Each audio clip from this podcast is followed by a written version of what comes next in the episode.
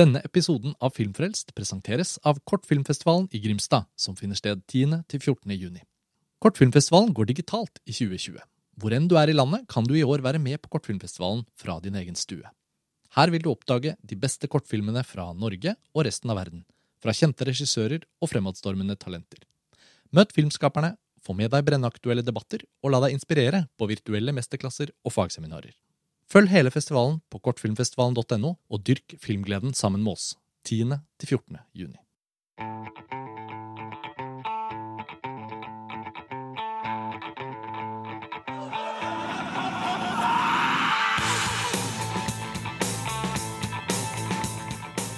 Hei, og velkommen til en ny episode av Filmfrelst, podkasten fra filmtidsskriftet montasj.no. Mitt navn er Karsten Meinick, og jeg sitter her i dag sammen med Lars Ole Kristiansen. Hallo. Hei, Lars Ole. Og Roskva Koritsinski. Hei, hei. Hei, Roskva. Dette er jo den første episoden fra årets Cannes-festival. Og som faste lyttere og lesere sikkert har lagt merke til for lengst, så er jo Cannes-festivalen kansellert. Vi er ikke i Cannes, vi er hjemme, vi møtes over Skype. Men Montasj har altså rigget et alternativt Cannes-program. Og dette er da den første episoden i vår dekning fra den alternative Cannes-festivalen. Og Lars Ole, dette er jo grundig presentert på montasje, så vi trenger ikke gå sånn i detalj akkurat nå. Men vi har jo bestemt oss for at podkastepisodene fra denne alternative festivalen skal følge en litt sånn dag én, dag to, dag tre-struktur. Og at vi snakker om flere filmer i hver episode istedenfor å fokusere på én og én av gangen. Mm. Og jeg tenkte å starte med deg, Roska. Du var jo i Cannes for første gang i fjor, og da var ikke jeg der. Eh, og nå er ingen av oss der. Eh, for å bare spole tilbake ett år, hva, hva var liksom inntrykket ditt av Cannes-festivalen? Syns du den var overromantisert i forkant, eller syns du den leverte til forventningene? Nei, jeg vet ikke. Jeg, nå har det gått et år, og når jeg ser tilbake på det, så det, var det hele en veldig sånn uoversiktlig affære. Altså, det var veldig korte netter. Det var opp ekstremt tidlig ofte for å få plass til de store premierene og sånne ting. Uh, og liksom inntrykket av Cannes idet jeg liksom hadde landet eller kommet med toget og gikk gjennom byen på vei til en kafé hvor, hvor jeg skulle møte Benjamin og Lars Ole, så var det veldig sånn følelse av å befinne seg uh, ved et sirkus som var i ferd med å på en måte stables opp. Altså, du var liksom veldig i kulissene til noe, og det, det vedvarte egentlig resten av uka, følte jeg. At det var liksom sånn hvor, hvor, er dette liksom fantastisk glamorøse stedet som jeg har hørt om, men som på en måte aldri helt manifesterte seg? eh, men samtidig så var det jo bare en også på mange måter en fantastisk opplevelse. Eh, veldig kaotisk køsystem, helt umulig å få billetter til filmer som du liksom søkte ti ganger om å få billetter til. Ingen forsto hvorfor. Eh, sånn totalt forvirrende og ulogisk, men også bare kjempeintens stemning og helt fantastisk når de virkelig gode filmene ble vist. Mm. Så, nei, det var en veldig morsom opplevelse. Det er jo filmene det til slutt handler om. Rammeverket er jo noe av det man savner veldig. Lars Ole, vi har jo snakket om det i dag, at liksom For i dag ville vært den første dagen da, av årets mm. festival. Eh, og mange mm. på Twitter, eh, britiske, amerikanske, franske journalister skriver at de savner noen av de tingene man ofte klager over. De savner han som roper ut 'liberation, liberation, libe, libe', som skal selge den franske avisen i køen. Å oh, ja. Han er jeg glad i. Uh, og, og, noen savner de overprisede og ikke fullt så gode kaffene, osv. osv. Men når man tenker på festivalen et år eller to eller tre eller fire eller fem år etterpå, så er det jo liksom de store filmøyeblikkene, eller eventuelt de forferdelig dårlige filmene som man ler av og tenker 'tenk at vi sto i kø til det og det'. Det er jo liksom det som sitter kanskje aller mest, da. Og også med tanke på fjoråret altså Quentin Tarantinos Once Upon a Time in Hollywood, Wong John Hoos Parasitt Det er mange av de filmene som har rukket å nesten bli klassikere i mellomtiden. Det hvis, du, hvis, jeg skulle liksom be deg tenke tilbake, er det noen av filmene du så der i fjor som du tenker mer på nå enn du hadde trodd? Uh, nei, jeg sitter nok fremdeles igjen med den følelsen av at det var 'Parasitt' som var på en måte Cannes-festivalen for meg i fjor. Uh, og utover det så sitter jeg igjen med liksom minnet av å være på den visningen til uh, Gaspar Noé. Uh, den midnattsvisningen. Altså mer sånn stemningen rundt i lokalet. Mm. Og også et par av de virkelig ræva filmene har festa seg. Altså, man skal kanskje ikke nevne titler, men det var en gang jeg gikk ut av salen, og den filmen har jeg jo faktisk tenkt mer på i ettertid enn mange av de filmene som var sånn temmelig gode. Hvilken film var det? Var det Baccarao? Ja, jeg ble veldig nysgjerrig på hvilken film det var. Ja, det var den Bacurau. Ja, den var helt forferdelig. Den har jo også jeg rukket å se siden da, og jeg syns også den var fryktelig svak. Og den fortsetter jo å gjeves opp voldsomt av de som elsket den, som også føler jeg holder den litt sånn i live, da. Jeg ser sånne ekstatiske anmeldelser og tenker kan det være Har vi sett samme film? Ja, jeg, jeg forstår det ikke, og den fikk vel også Grand Prix Altså, den fikk en eller annen pris også. Helt utrolig. Noe av det du jeg føler du beskriver, Oskar, er jo nettopp at i Cannes er det ofte sånn at man sitter og venter på noe. Og, og den oppbyggingen er veldig intens. Men når det plutselig smeller, da er, da er gledesfølelsen helt spesiell. Det kan ikke sammenlignes med noen andre filmvisninger. Hvis jeg skal liksom oppsummere Cannes i fjor for meg, så var det liksom Det var Parasitt, det var Bacurau, og så var det Mektobi Intermesso. Det er liksom de tre sånn fjelltoppene som representerer veldig ulike ting, men som liksom står igjen i hukommelsen og liksom virkelig har festet seg. Mm. Ja, for vi hadde en sånn utrolig dobbeltdag. Vi hadde gått og ventet. Det var mange som opplevde at de hadde liksom fått det de ønsket med eh, eh, et portrett av en kvinne i flammer til Serinskij Amma. Trodde den skulle vinne Gullpalmen. Og eh, det var det ingen av oss to som følte. Eh, og, så, og så kom det. Så kom Parasitt. Og så dro vi direkte fra Parasitt til Once Upon a Time in Hollywood. Da måtte vi ta noen gledesflasker med vin etterpå. Ja, Da kom det noen varsler min vei òg, og misunnel misunnelsen steg. Ja, da husker jeg at du satt hjemme og bare Å, dette er tungt. Eh, og, men også du, Jeg husker også at du var sånn genuint glad. Eh, både på våre vegne og på dine egne, fordi at disse filmene nå fantes, og du tross alt kom til å se dem om noen måneder. Og så toppet det seg likevel liksom enda en gang med denne utrolige og eh, utrolig pussige eh, Mektob My Love Intermesso-visningen, som nok er den mest jeg, jeg kan ikke komme på en mer sånn unik kan-visning. Et av de villeste sosiale eksperimentene jeg har vært med på, tror jeg. Altså plasseres i den salen og på en måte være litt forberedt på at OK, her er det ikke så mye kan skje. Men også, også få rumper ristende i ansiktet i tre og en halv time. Og det å liksom se hvordan folk rundt responderte på det, det Det var helt utrolig. Vi, vi var jo rusa hele den dagen på den filmen. Helt merkelig. Jeg husker at vi var helt sånn rare i timevis etterpå. Og bare hva er det vi har opplevd? Den opplevelsen dere fikk med den filmen, har jo også vist seg å være selve filmen, da, fordi filmen aldri har kommet og aldri kanskje skal komme. Så vil det eneste vi andre har, er jo da deres gjenfortelling. Så det blir litt sånn. Men Lars Ole, når vi da um, har laget et alternativt Cannes-program og resignert på en måte til skuffelsen over at det ikke er en Cannes-festival, så er det jo sikkert også mange som lurer på jo, men hvorfor var det så viktig å, å, å se film i denne perioden og opprettholde den plassen i kalenderen da, til noe kan-relatert. Og det, uten å bruke altfor mye tid på det, så tenker jeg jo liksom at det merket i hvert fall jeg litt i dag, da. Eh, For vi har hatt den første festivaldagen, og vi skal snakke om de filmene vi har sett. Startet, vi har startet på programmet. Og, og selv om det på ingen måte lignet eh, følelsen av å være i Cannes eh, Jeg har i praksis sittet hjemme og konsentrert meg om film. Og det er jo ikke så verst, det heller. Men, men likevel så, så tenker jeg ganske mye på hva mer enn film er det da som skjer i Cannes. Altså, for i dag har det vært veldig sånn renskåret for min del. Det har liksom bare vært film. Og vi har ikke kunnet snakke sammen mellom filmene. Og det har liksom, vi har ikke støtt på mennesker som vi uventet kom i prat med. Altså, så, eh, jeg vet ikke hva du har tenkt om det i dag, Lars Ole? Eh, Jeg tenker at eh, man har jo uansett holdt av denne tiden sant, til å se film.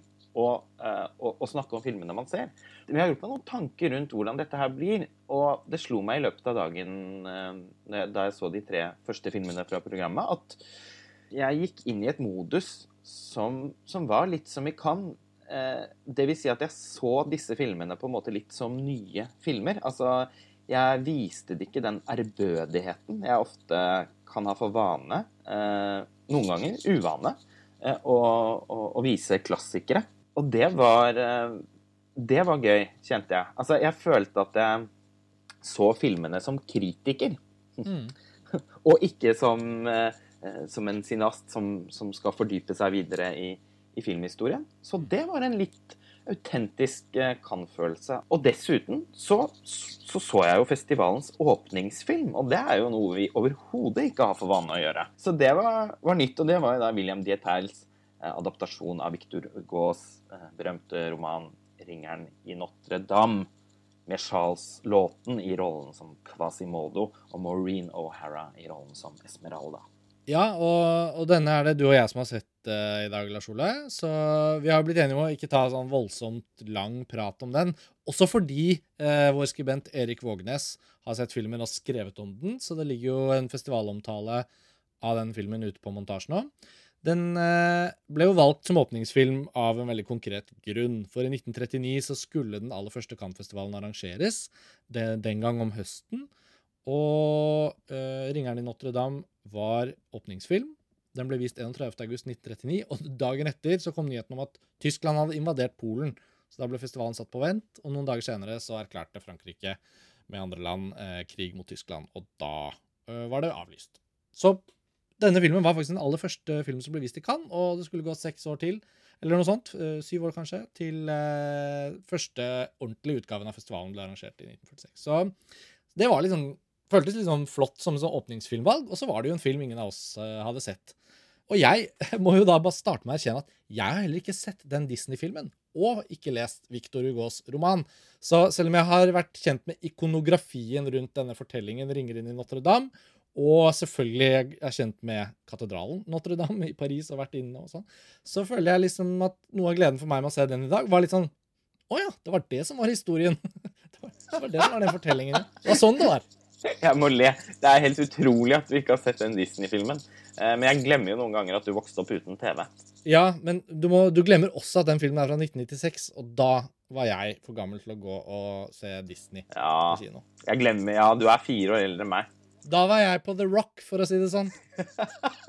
ja, jeg så ringeren i Notre-Dame ja. uh, på kino, uh, og, og, det med mamma og pappa husker jeg, det var stort. Du kan sammenligne, da. Så hva, hva, hva tenkte du? Hva, hva, er din korte dom over denne 1939-versjonen? Nei, men altså, den var veldig god. Eh, det er jo en eh, veldig engasjerende historie som Erik Vågnis i sin artikkel på montasje eh, åpner opp og reaktor... Altså, han, han er Han, han fokuserer på hvordan den historien dessverre fortsatt er litt sånn ubehagelig aktuell. Og den, denne filmatiseringen her er jo mørk. Altså tidvis nesten sånn Carl Theodor Dreyer-aktig. Mm, det eh, tenkte jeg på flere ganger. Og det er noe med at eh, Vel å merke så er den også litt sånn det Cahiers de Cinema-kritikerne litt sånn nedsettende kalte for en eh, Meteor en scène-film. Eh, det er vanskelig å få øye på noe dypt personlig over eh, William Dieters filmskaping her. Uh, og den, den, har noe sånn litt sånn litteraturadaptasjon eh, traurig over seg i sine svakeste partier, men på sitt beste så er det, så, så er det filmmagi, særlig pga. Charles Laughtons fantastiske rolletolkning som Quasimodo. Altså, jeg var så imponert over ikke bare hans skuespill, men også sminkearbeidet og liksom designet på karakteren. Og utrolig bra. Ja, det var faktisk helt ut utrolig bra også med tanke på Det er ikke det at jeg undervurderer ting som ble gjort på 1930-tallet. altså Tatavin, King Kong, og var mange filmer som fortsatt står seg veldig bra fra det tiåret. Men det er klart at når uh, spesialeffektene og sminken og hele gestaltet til Charles Lawton som en virkelig Som en, altså, som en, uh, en skikkelig hunchback, for å si det sånn, det er jo mer overbevisende enn mye vi har sett fra 2010-tallet som prøver på noe lignende. Ja, det var uh, bemerkelsesverdig. Det var jo ordentlig bra. Det er jo, og det er på en måte, hva skal vi si, karismaen eller spenningen i luften mellom Maureen O'Haras karakter, uh, Esmeralda, og, og han Quasimodo, da den er eh, ordentlig bra. Det er jo egentlig noe jeg skulle kanskje ønske at filmen var mer opptatt av. da. Den noen sånne, har noen sånne ganske lange longører med liksom ja. tiggerne i Paris og Det er en del sånn Victor Hugo-stoff som jeg da tenker på med tanke på Le Miserable, som han også har skrevet. ikke sant? Så føler jeg det er noen sånne paralleller der um, som ikke var like spennende. Men, uh, men alt inni kirken der og sånn. Og det er veldig sånn sterkt den første scenen hvor hun Esmeralda kommer inn i kirken og bare Å ja, det er litt sånn religion her, ja. Ja, Så jeg kan be jeg kan, For hun er sigøyner, da, eller kommer fra romfolket og liksom er uh, utstøtt og vil egentlig, skal egentlig kastes ut. og kaster seg på knærne, og, og, og den inderligheten hun da uh, spiller i måten å liksom bare be til Gud på, den var litt sånn rørende, for det ser man ikke så ofte lenger. Nei, enig. Det var eh, altså, det var en virkelig gripende scene. Og Mm. jeg liker også veldig godt altså, sånn studioprodusert eh, film fra den perioden. Altså bare produksjonsdesign og sånn. Ja. Eh, appellerer veldig for meg. Det, altså, det ser jo det ser jo rett og slett litt ut som Fantasyland i Disneyland i Los Angeles. Men det må sies, på Blu-rayen så forteller Maureen O'Hara i et intervju tatt opp kanskje på 80-tallet, hun levde jo veldig lenge, eh, at eh, David O. Hadde ikke spart på noen ting. Og det, det er ikke noe som er filmet i, i Paris, på en måte. Altså, det har bygd alt. Og det er noen tagninger og noen perspektiver som er sånn Men da må den produksjonsdesignen der må jo være 200 meter høyt, på en måte. Ja, altså det er helt utrolig. Men man kan jo selvfølgelig også se at det er på en måte At det ikke er helt uh, ekte. Og det liker jeg, den litt sånn eh, animerte kvaliteten ved det. Som sagt, det, det, ser litt ut som Fantasyland i, i, i, Disneyland i, i Los Angeles. Og passende nok, da, så har jo Disney laget eh, sin eh, versjon av, eh, av fortellingen. Mm, det ble ikke sånn veldig mange attraksjoner sånn bygget rundt den. Eh, i hvert fall eh, not, Ringeren i Notre-Dame, 'Hunchback of Notre-Dame The Ride', tror jeg ikke man, man, man finner Jeg klarte i hvert fall ikke å finne den da jeg var i Disneyland. Eh, det, og det er jo fordi den Disney-filmen er så innmari mørk og sørgelig. Og, og den gjorde jo innmari inntrykk på meg da jeg var ti år eller noe. Men det er jo en veldig forferdelig fortelling, så vanskelig å komme unna. Og det er jo mer patos i, i Disney-versjonen, selvfølgelig. Så på en eller annen måte så er den eh, Det melodramatiske potensialet i fortellingen, Mm. det, eh, er det, det er blitt mer Det er, piskes jo mer opp da, i, i Disney sin versjon enn eh, i 1939-versjonen, som tross alt er eh, mer eh, nøktern. Jeg fikk faktisk veldig lyst til å se Disney-filmen igjen av å se 1939-versjonen. Og den er innmari god. Når, når tror du du så den sist? Nei, det er mange år siden. Sikkert ti år siden. Jeg er iallfall veldig glad for at det vi endte opp med å programmere denne som åpningsfilm, at jeg da fikk sett den. Men så er det jo veldig gøy med Charles Laughton nå, som, som jeg alltid mest har forbundet med den, filmen, den ene filmen han regisserte, da, 'Night of the Hunter'.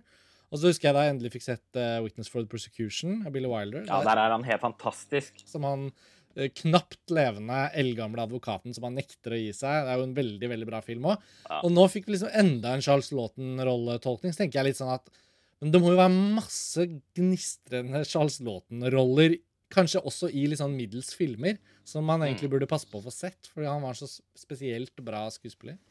Ja, Det er litt enig. sånn oppdagelse. Men eh, Nei, men vi kan jo si at det er det. Uh, 'Ringeren Ja. i Notre-Dame' fra 1939 er utgitt på Blu-ray da, for de som nå hører på og får lyst til å se den. Den fins også faktisk på YouTube. Der ligger den uh, i tålelig kvalitet, får man si. Så um, den kan folk få tak i, og den er mulig å få sett, og den anbefales.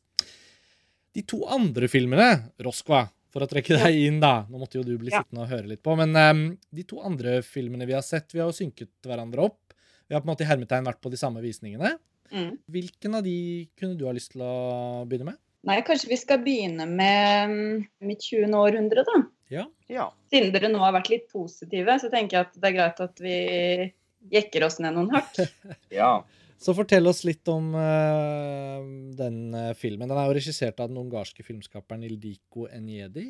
Ja, kort fortalt så er det en fortelling om uh, uh, et tvillingpar, Lili og Dora, eh, som blir født på slutten av 1800-tallet. eh, og som tidlig i barndommen blir skilt fra hverandre. Altså, de er fattige og, er ute og tigger, og så sovner de, og så kommer det to menn og plukker opp altså én plukker opp hver av søstrene, og så får de totalt ulike skjebner. Da. Eh, og via denne fortellingen om de søstrene, så prøver vel filmskaperen å si noe om, om den brytningstiden mellom 1800- og 1900-tallet med alt det innebar av oppdagelser og teknologiske framskritt og ideologier eh, som braser mot hverandre. Det er vel kort fortalt fortellingen. Altså, disse to jentene de møtes igjen på nyttårsaften 1900 på, den, på Orientekspressen. Eh, da får de liksom et glimt av hverandre før de på nytt eh, skilles, og så forenes de igjen mot slutten av filmen. Altså det er på en måte rammefortellingen. Og så foregår det jo en hel del eh, sprell og spillopper eh, innimellom der. Som man kan mene mye og mangt om. Ja, det var godt uh, oppsummert, uh, syns jeg, Roskva. Jeg uh, så uh, den fabelaktige Amelie fra Montmartre på nytt her om dagen. Jeg og montasjebidragsyter og, og Vega-programsjef Truls Foss har hatt en del sånn parallellvisninger i det siste, og de har sprunget litt ut av at vi har hatt samtaler om at vi etterlyser mer originalitet, oppfinnsomhet og, og magi i underholdningsfilmen. Og særlig komedien. Altså, komedien har liksom blitt en sånn veldig sånn størknet sjanger. Og vi har da gått tilbake og sett uh, flere filmer av Tim Burton som har holdt seg utrolig bra, som er innmari morsomme. Uh, filmer av Jean-Pierre Jeanette, inkludert Amelie. Og også en del filmer av Peter Greenaway. Og de er jo, opererer i et helt annet sjikt og har ingenting med, med, med bred underholdningsfilm å gjøre. Men eh, jeg bare tenker på det nå, fordi at det skal jo virkelig sies at denne filmen til Ildiko Njedi er oppfinnsom og idérik og av og til veldig vakker. Men sakte, men sikkert så følte jeg at den gikk fra uh, å, å, være idérik og oppfinnsom, og til og med litt magisk, til å bare bli påfunnsaktig. Uh, et litt sånn avslørt triks. Og for meg er ikke det det samme. Uh, idérikdom og oppfinnsomhet og påfunn, det er, blir to forskjellige ting. Og sånn som, skal jeg være helt ærlig, så følte jeg at jeg, jeg syns ikke den filmen hadde verken sjarm eller god humor. Jeg syns den var sånn boblende bare for å være boblende, og at den prøvde å være noe jeg følte at den ikke var. Jeg syns bare til slutt at den fremsto veldig irriterende og tom, og rett og slett litt sånn borgerlig. Uh, at det var spennende med fantasy gikk, uh, og så var det ikke noe særlig mer enn det. Jeg ble kjempesur på filmen underveis, og hadde det vært i Cannes, så kan det hende jeg hadde gått for å gå og se en annen film isteden. Ja, altså Det er ett ord jeg føler som kan oppsummere den film, filmen, for meg i hvert fall, og det er uforpliktende. Den lefler med masse tankegods, og den på en måte skryter nærmest litt av at her har vi på en måte virkelig dukket ned i historiebøkene, og nå skal vi vise fram liksom vår fortolkning av eh, en tidsånd og en brytningstid. Men så virker det ikke som om manusforfatter, filmskaper, på noe som helst tidspunkt faktisk har vært genuint nysgjerrig på de ideene og det tankegodset som de lefler med. Altså, det blir bare overskrifter og sjablonger. Og ikke på noe tidspunkt så trigger det en eller annen form for nysgjerrighet eller lyst til å være med på den utforskningen. Da. Og jeg er helt enig i det du sier, Lars Ole, at visuelt eh, så er den veldig veldig lovende. Så den har en nydelig åpningsscene, og den mm. er veldig, veldig vakkert fotografert. Mm. Eh, men det også blir jo nærmest provoserende på et tidspunkt, fordi det blir Det føles som estetikk som er der for å dekke over en manglende integritet. Da.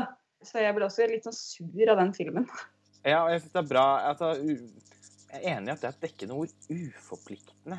Og, og det gjorde også at den innmari Altså det som jeg først satte veldig pris på som, som noe vakkert og, og, og, visuelt spennende òg. Altså, det er noen skikkelig eh, Hun gjør noen ordentlig kule ting. Eh, særlig de første 20 minuttene. Men så etter hvert så, så ble jeg bare liksom, Jeg føler det, liksom, det gikk opp for meg at denne filmen ikke kom til å ta meg noe annet sted enn der den var nå. Og da ble det en prøvelse å, å se den ferdig.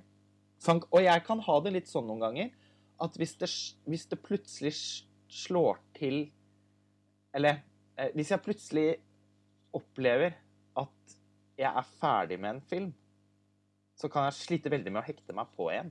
Da har jeg mistet interessen. Da bryr jeg meg ikke noe om hva det som foregår. Altså, det, jeg, jeg, jeg, prøvde alt jeg kunne, og jeg, jeg så den ferdig. Og jeg, og jeg, fulgte med. Det er interessant at du sier det, fordi jeg, så jo denne tidligere i dag sammen med eh, Benjamin Jastan, som også skriver på montasje. Eh, og flere ganger så sa vi akkurat det samme til hverandre som du sier nå, Lars Ole, nemlig at eh, nei, nå må vi følge med, liksom. Vi følte oss liksom litt skyldige i at vi vi liksom sklei ut, og så plutselig så satt vi og prata litt sammen. Så var det sånn Nei, nei, men vi må følge med på filmen. Og så satt vi og liksom så den siste timen, eller altså den er jo bare halvannen time lang, Mm. eh, helt konsentrert. Og da skjønte jeg at det er, liksom, det er faktisk filmens vesen. Eh, det kan føles for tilskueren som om man liksom faller av og må hanke seg inn igjen, men filmen faller av. Altså den, den går totalt i oppløsning i veldig lange strekk, og det er ikke spennende og drømmeaktig og eksperimenterende selv om den prøver å få oss til å tro det. Det er bare tomt, da. Og det er påstander som ikke, som ikke liksom på noen som helst måte snakker til tilskueren. Altså det, det, det, den er jo distansert og ja, igjen uforpliktende. Ja, og så opplevde jeg at den prøvde å være vittig. Mm. Altså, jeg, jeg dro ikke på smilebåndet én gang. Nei. Hva syns du da, Karsten? Ja, jeg hadde jo mye større utbytte av filmen enn dere, da, så jeg vant jo litt. Jeg slapp å føle at jeg kastet bort den tiden. Gratulerer. Det er alltid sånn man kan spøke med i festivalsammenheng, i hvert fall, syns jeg. For da føles jo tiden veldig dyrebar. Litt mer dyrebar enn hjemme. på en måte, At det er sånn OK, når jeg først er i Cannes, skal jeg søren meg ha noe utbytte av disse filmene. Um, nei, men altså, dette er jo en veldig vimsete film som har mange åpenbare førstefilmsvakheter. Det er jo en debutfilm.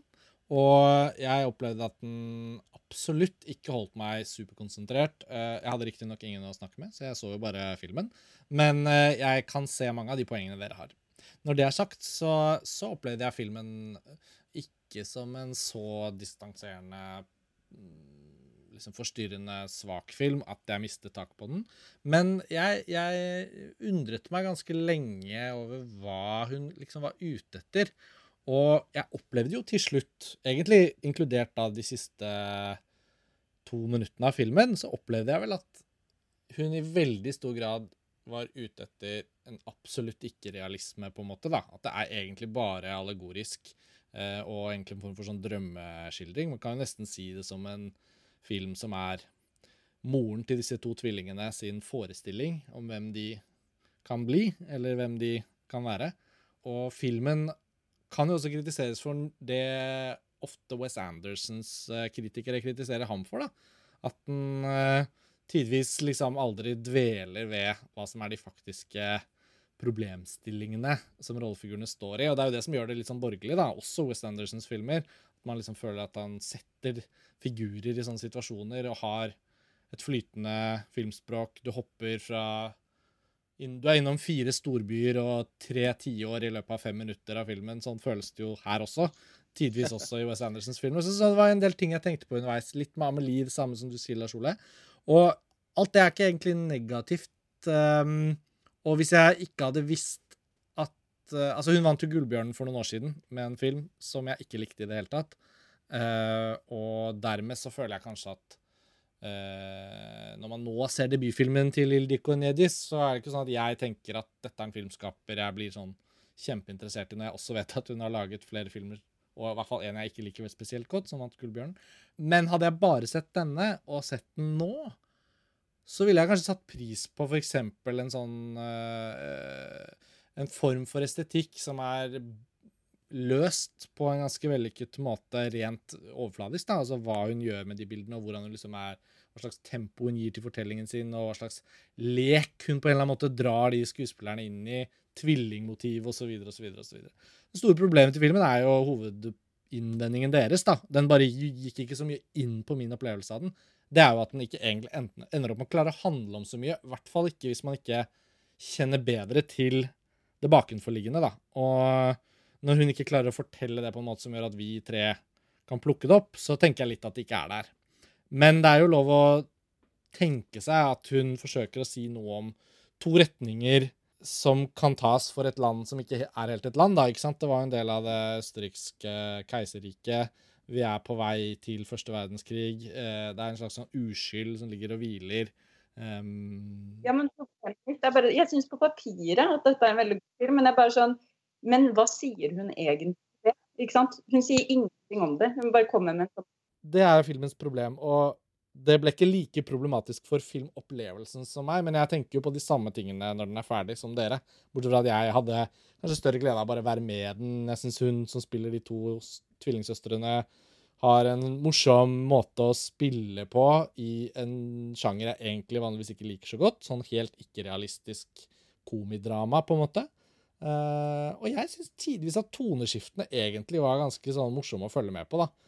Altså, eh, ideene rundt liksom snakkende aper og esler og stjerner og universet og eh, på en måte, Jeg var litt sånn, litt sånn med på det. Litt sånn klar for å bare la det fortrylle meg i selve opplevelsen.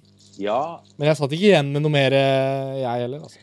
Ja, altså, og jeg tenker, når du da uh, sammenligner det med West Anderson og, og Jeanette og sånn, som er jeg, jeg skjønner kjempegodt hva du mener, men forskjellen som da blir et, sånn, et verdenshav av forskjell for meg, er at jeg syns de filmene er vittige og og sjarmerende og, og rørende, til og med.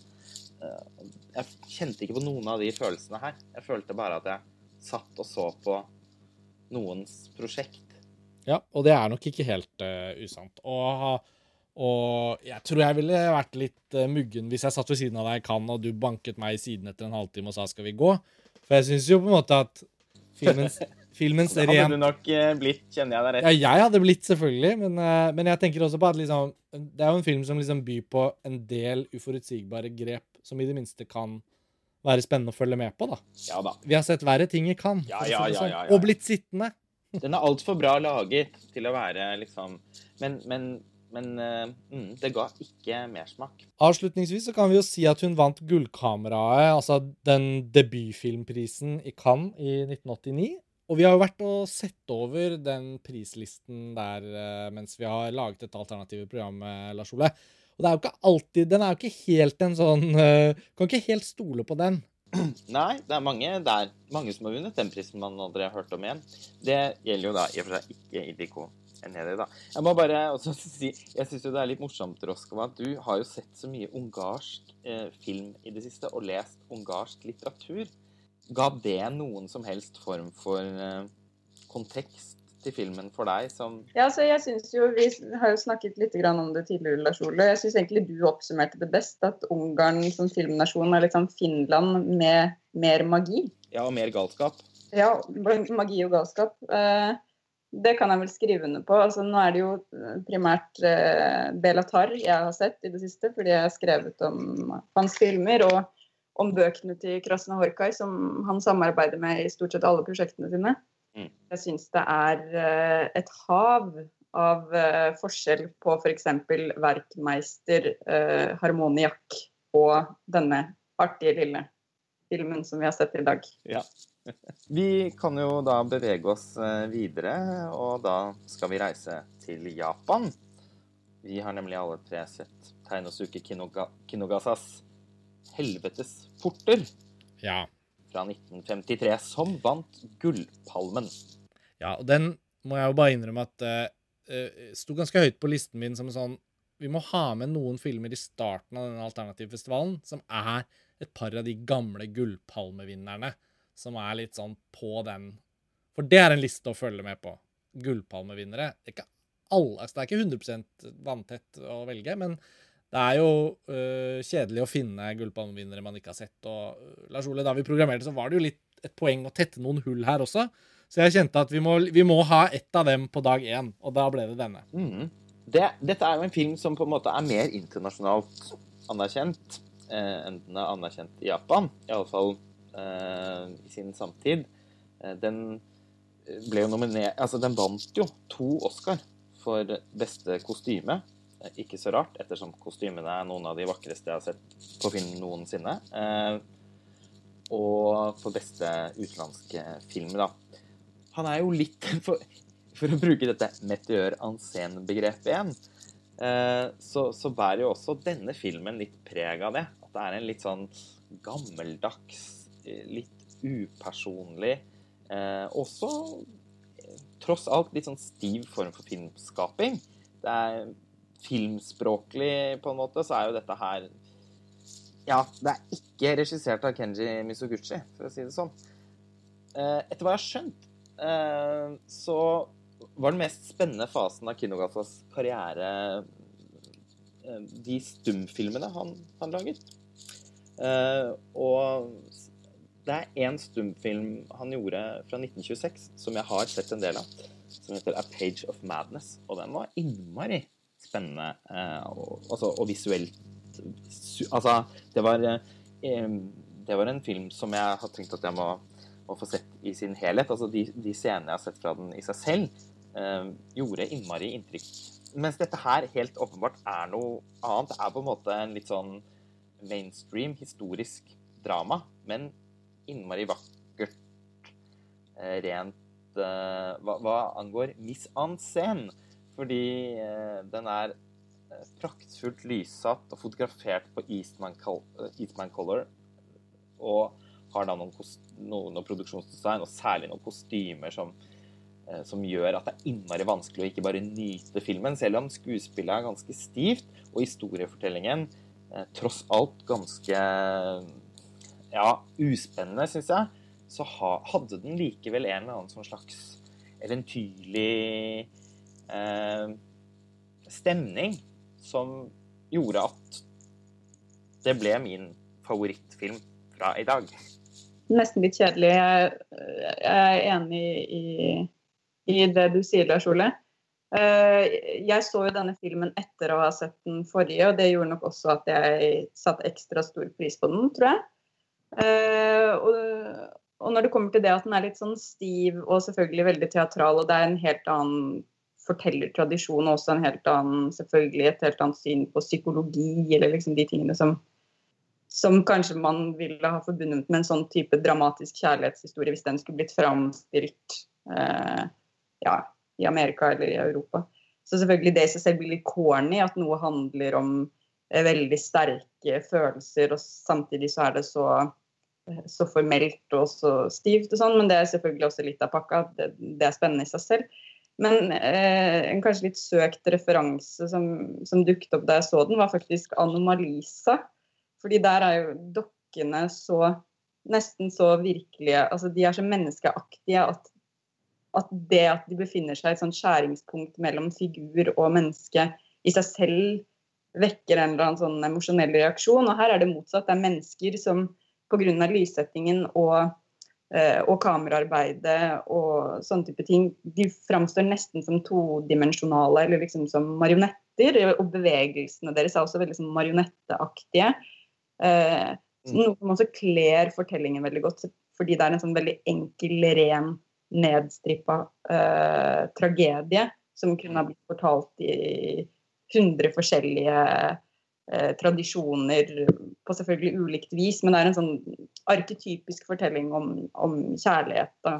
Ja, og, det, og akkurat som du sier, så er det noe sånn utvendig eh, dukketeater Og selvfølgelig nærliggende også å tenke på kabuki-teater, da. Men, men, det, men, det, er noe liksom Ja, egentlig da tross alt litt sånn animert ved, eh, ved hele filmen. Det er som at man sitter og bler i en bildebok. Du ser også rekvisittene er akkurat akkurat litt mer kunstig enn det man kunne se for seg. Altså En tallerken med mat, f.eks. Det er litt usikkert hvorvidt det er ekte mat på tallerkenen, eller om det er en modell av mat som er ja. Det er hele tiden et sånn type spill mellom noe kunstig og noe virkelig, eh, som jeg syns kledde fortellingen veldig godt. Så jeg, jeg, ble egentlig ganske fascinert av den filmen. Ja, jeg, jeg ble det, jeg også det var noen sånn underlige Intrigen er jo da at det er en samurai som uh, forelsker seg i en, uh, i en, kvinne. Og mot slutten av filmen så er det en sånn veldig, veldig fin og veldig japansk scene om,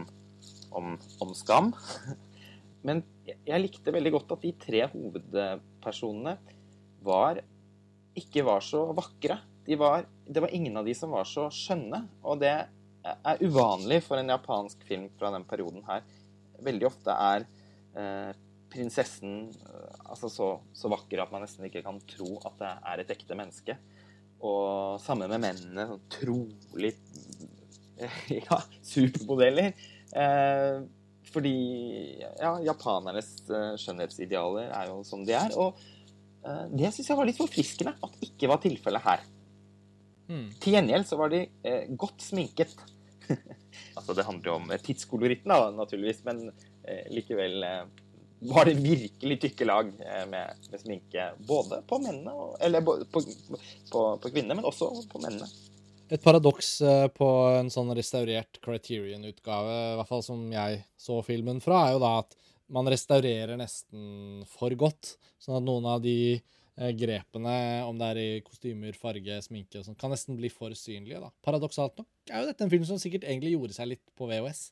For det var et sånt format hvor farger ofte fikk liksom brenne litt ut. Og, og, og da hadde kanskje ikke sminken eh, sett så avslørende ut. Men det var ikke alltid, altså. Jeg følte det var tidvis. Jeg, jeg er jo kjedelig enig med dere i det meste her, for å kime inn. Men jeg, men jeg syns jo også det er det er en Selv i en film som kanskje ikke da kan regnes å være som noe av det mest egenartede kunstneriske japansk film, ikke minst fra denne perioden hvor de lagde så mye bra, og det var så store mestere som jobbet. Jeg, jeg kjenner ikke han her Altså noen andre filmer. Jeg har ikke sett noe annet av han. Um, men jeg syns jo det var veldig sånn fin fortelling å følge, for den tok jo ikke alltid de vendingene jeg forventet. Og jeg syns også at det var et eller annet litt sånn Ja, man sier at det er flott når det er sånn farger fra gamle dager, om det er Technicolor eller Eastman Color, at det er noe, et eller annet sånt. Det er en egen type farge. Det er ikke bare en fargefilm, det er liksom et fargeuttrykk.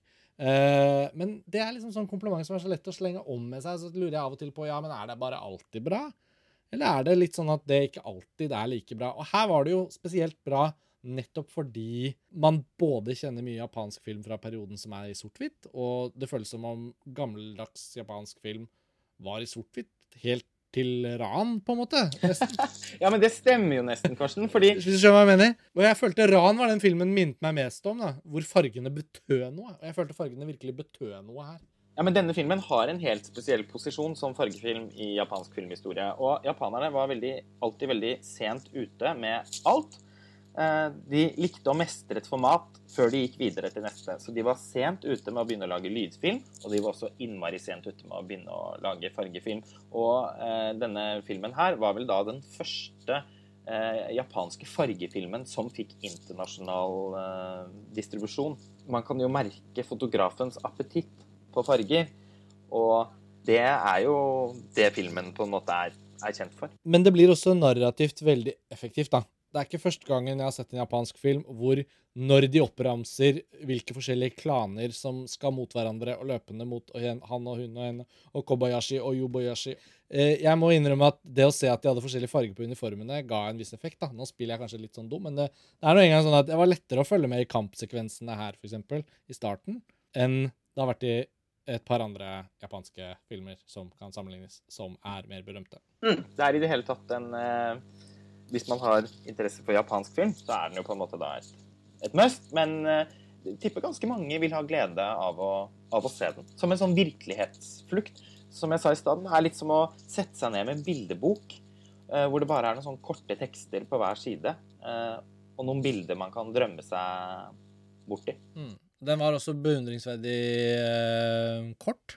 Altså, spilletiden er vel 89 minutter eller noe sånt. Og det var, det var også akkurat det den trengte. Den, den var veldig presist fortalt, egentlig. Og det var ikke spesielt sakte fortalt, syns jeg. Jeg syns det var virkelig ganske sånn mye å følge med på. Så alt i alt veldig bra. Jeg syns jo den og Ringeren i Notre-Dame litt sånn side om side øh, var veldig sånn solid, godt fortalte. Denne kanskje litt mer kunstnerisk spennende. Ehm, men alt i alt eh, veldig bra. Og hvis man skal si kort noe om 1954-årgangen, bare fordi vi snakker om en gullpalmevinner her, da, så er det jo litt gøy eh, å se på bl.a. juryen. da. I dette Cannes-året så var det Jean Cocteau som var jurypresident, og i juryen satt bl.a. både André Bazin og Louis Bunuel. Altså, dette er jo bare helt Jeg får gåsehud. Ja, Eh, så, de, eh, så en del eh, navn jeg ikke helt kan plassere. da, Ganske mange, Hovedsakelig franske folk i juryen. Tenk å ha fått liksom gullpannen av Jean Cocteau. Det er kult. Ja, det er nok ganske kult. Også, men i hovedkonkurransen det året så er det ganske mange filmer som man aldri har hørt om senere. Men rørende nok for oss nordmenn da, så var faktisk Arne Skouen der med sin film 'Circus Fandango'. den gjorde nok ikke like sterkt inntrykk da som 'Gate of Hell'. og den andre mest berømte filmen fra det utvalget var faktisk 'Herfra til evigheten' av Fred Sinnemann. Jeg forestiller meg at Jean Cocteau eh, ble, ble, veldig opptatt av de kostymene. For de var jo en verden, på en måte. Altså, eh, jeg mente det da jeg sa de Så det høres jo veldig sånn overilt ut. Eh, Det er noe av, noen av de vakreste kostymene jeg har sett noensinne. Men, men det er det. Altså, jeg, jeg, jeg, jeg, jeg fikk jo lyst på en sånn Tarzan-bok med bilder av karakterene i kostymer. Altså, tidvis så minte filmen faktisk ganske mye om uh, Ho Xiaoxians uh, The Assassin. Uh, uten sammenligning for øvrig, men det er noen partier i sånne interiører hvor de går rundt uh, i veldig vakre kostymer det, i den filmen òg. Men den er jo tross alt en mye mer konvensjonell filmfortelling enn. Men, men ja, jeg, jeg skjønner hva du mener. Det er noe med tablåene og sånn som kan Dybdekomposisjon og så videre. Så. Men det bringer oss jo litt sånn i havn da, med disse tre første filmene på dag én. Um, Roska, du har jo ikke vært like tungt inne i selve utvalget, da. Uh, er det noe du gleder deg spesielt til fra programmet? Noe du tenker at du skal prøve å få sett de neste dagene?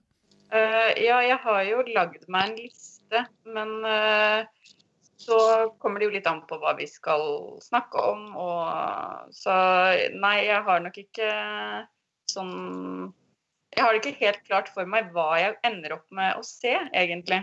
Nei, men Det er greit. Jeg eh, for så vidt vet ikke svaret på det spørsmålet, jeg heller. Men eh, Jeg har ikke planlagt noen ting. Jeg, jeg bare tar hver dag som den kommer. Og nå tenkte jeg, nå var det litt sånn at jeg følte vi ble enige om noen filmer vi skulle se og sånn i dag. Men sånn som i morgen føler jeg for å gå litt min egen rute. noen lesere og lyttere har jo stilt spørsmål om vi kom til å lage en sånn schedule hvor det sto hvilke filmer som ble vist på hvilke dager og sånn. Og det er jo et veldig forståelig spørsmål. Eh, kanskje hadde det vært optimalt, men det er også ekstremt tidkrevende. Og det låser av eh, programmet på en litt konstruert måte, fordi det er jo en alternativ Cannes-festival. Det er jo ikke en faktisk festival, og jeg tror eh, de fleste av oss som skal se filmer fra utvalget, vil nok ha lettere for å på en måte bare velge litt. Og selv om du og jeg, Lars Ole, har jo kunnet konsentrere oss om å finne filmer som ikke vi to har sett, så kan jo mange støte på en god del filmer de har sett i programmet, og så finner de en, ru en rute som er annerledes. Ja, ja, ja, ja. Noen har ikke fysisk format lenger, og da vil de se film som er tilgjengelig digitalt. Og sånn. så eh, fordi at hver og en leser, lytter, redaksjonsmedlem, bidragsyter, alle som følger med på dette prosjektet, vil uansett ha litt forskjellige innganger. Og i Cannes så kan man ikke ha så forskjellige innganger. Da er det på en måte et visst sett visninger, og så kommer man seg på det man kommer seg på, liksom. Det er heller ikke sånn i Cannes at man alltid har sett de samme filmene samtidig. Det er sant. Um, bra. Skal vi si at dette var det, da? Ja. Dagsrapport 1 fullført og komplettert. Vi er jo enige om at det er ikke, det er ikke fullblods Cannes-stemning. Um, det kan ikke erstattes helt, men uh, forhåpentligvis så kan det at vi ser disse filmene, i hvert fall sette igjen et avtrykk fra 2020-årgangen, da, som aldri vil bli noe av. Eh, og så kan vi jo sikkert lese i juni. Det er blitt varslet nå at i juni skal vi få vite hvilke filmer som antageligvis ville ha vært i Cannes. Så da kan vi jo, kan vi jo forestille oss eh, hvordan det ville ha vært. Og så kommer jo de filmene en gang uansett. Og så tror jeg vi kan, alle tre tror jeg kan være enige om at vi har ikke sett Gullpalmen ennå, har vi vel? Nei, vi har ikke det. Nei, kronhjorten har ikke vist seg i skogen ennå. Ikke ennå. Så, og den kommer til å dukke opp. Altså, det er jo et par av disse ja, Det er jo garantert noen av de filmene vi kommer til å se som er sånn helt utrolige. Så jeg venter i spenning. I morgen er en ny dag. Vi skal sette tenna i programmet og komme tilbake med neste episode. Om da en dag, cirka. Eh, vi høres eh, snart igjen, dere. Takk for eh, nå. Skål. Det blir virtuelt, men vi får leke at vi nå møtes i en bakgate og prater videre om hva vi skal gjøre under Cannes-festivalen. Ha det bra, alle sammen. Ha det bra. Ha det.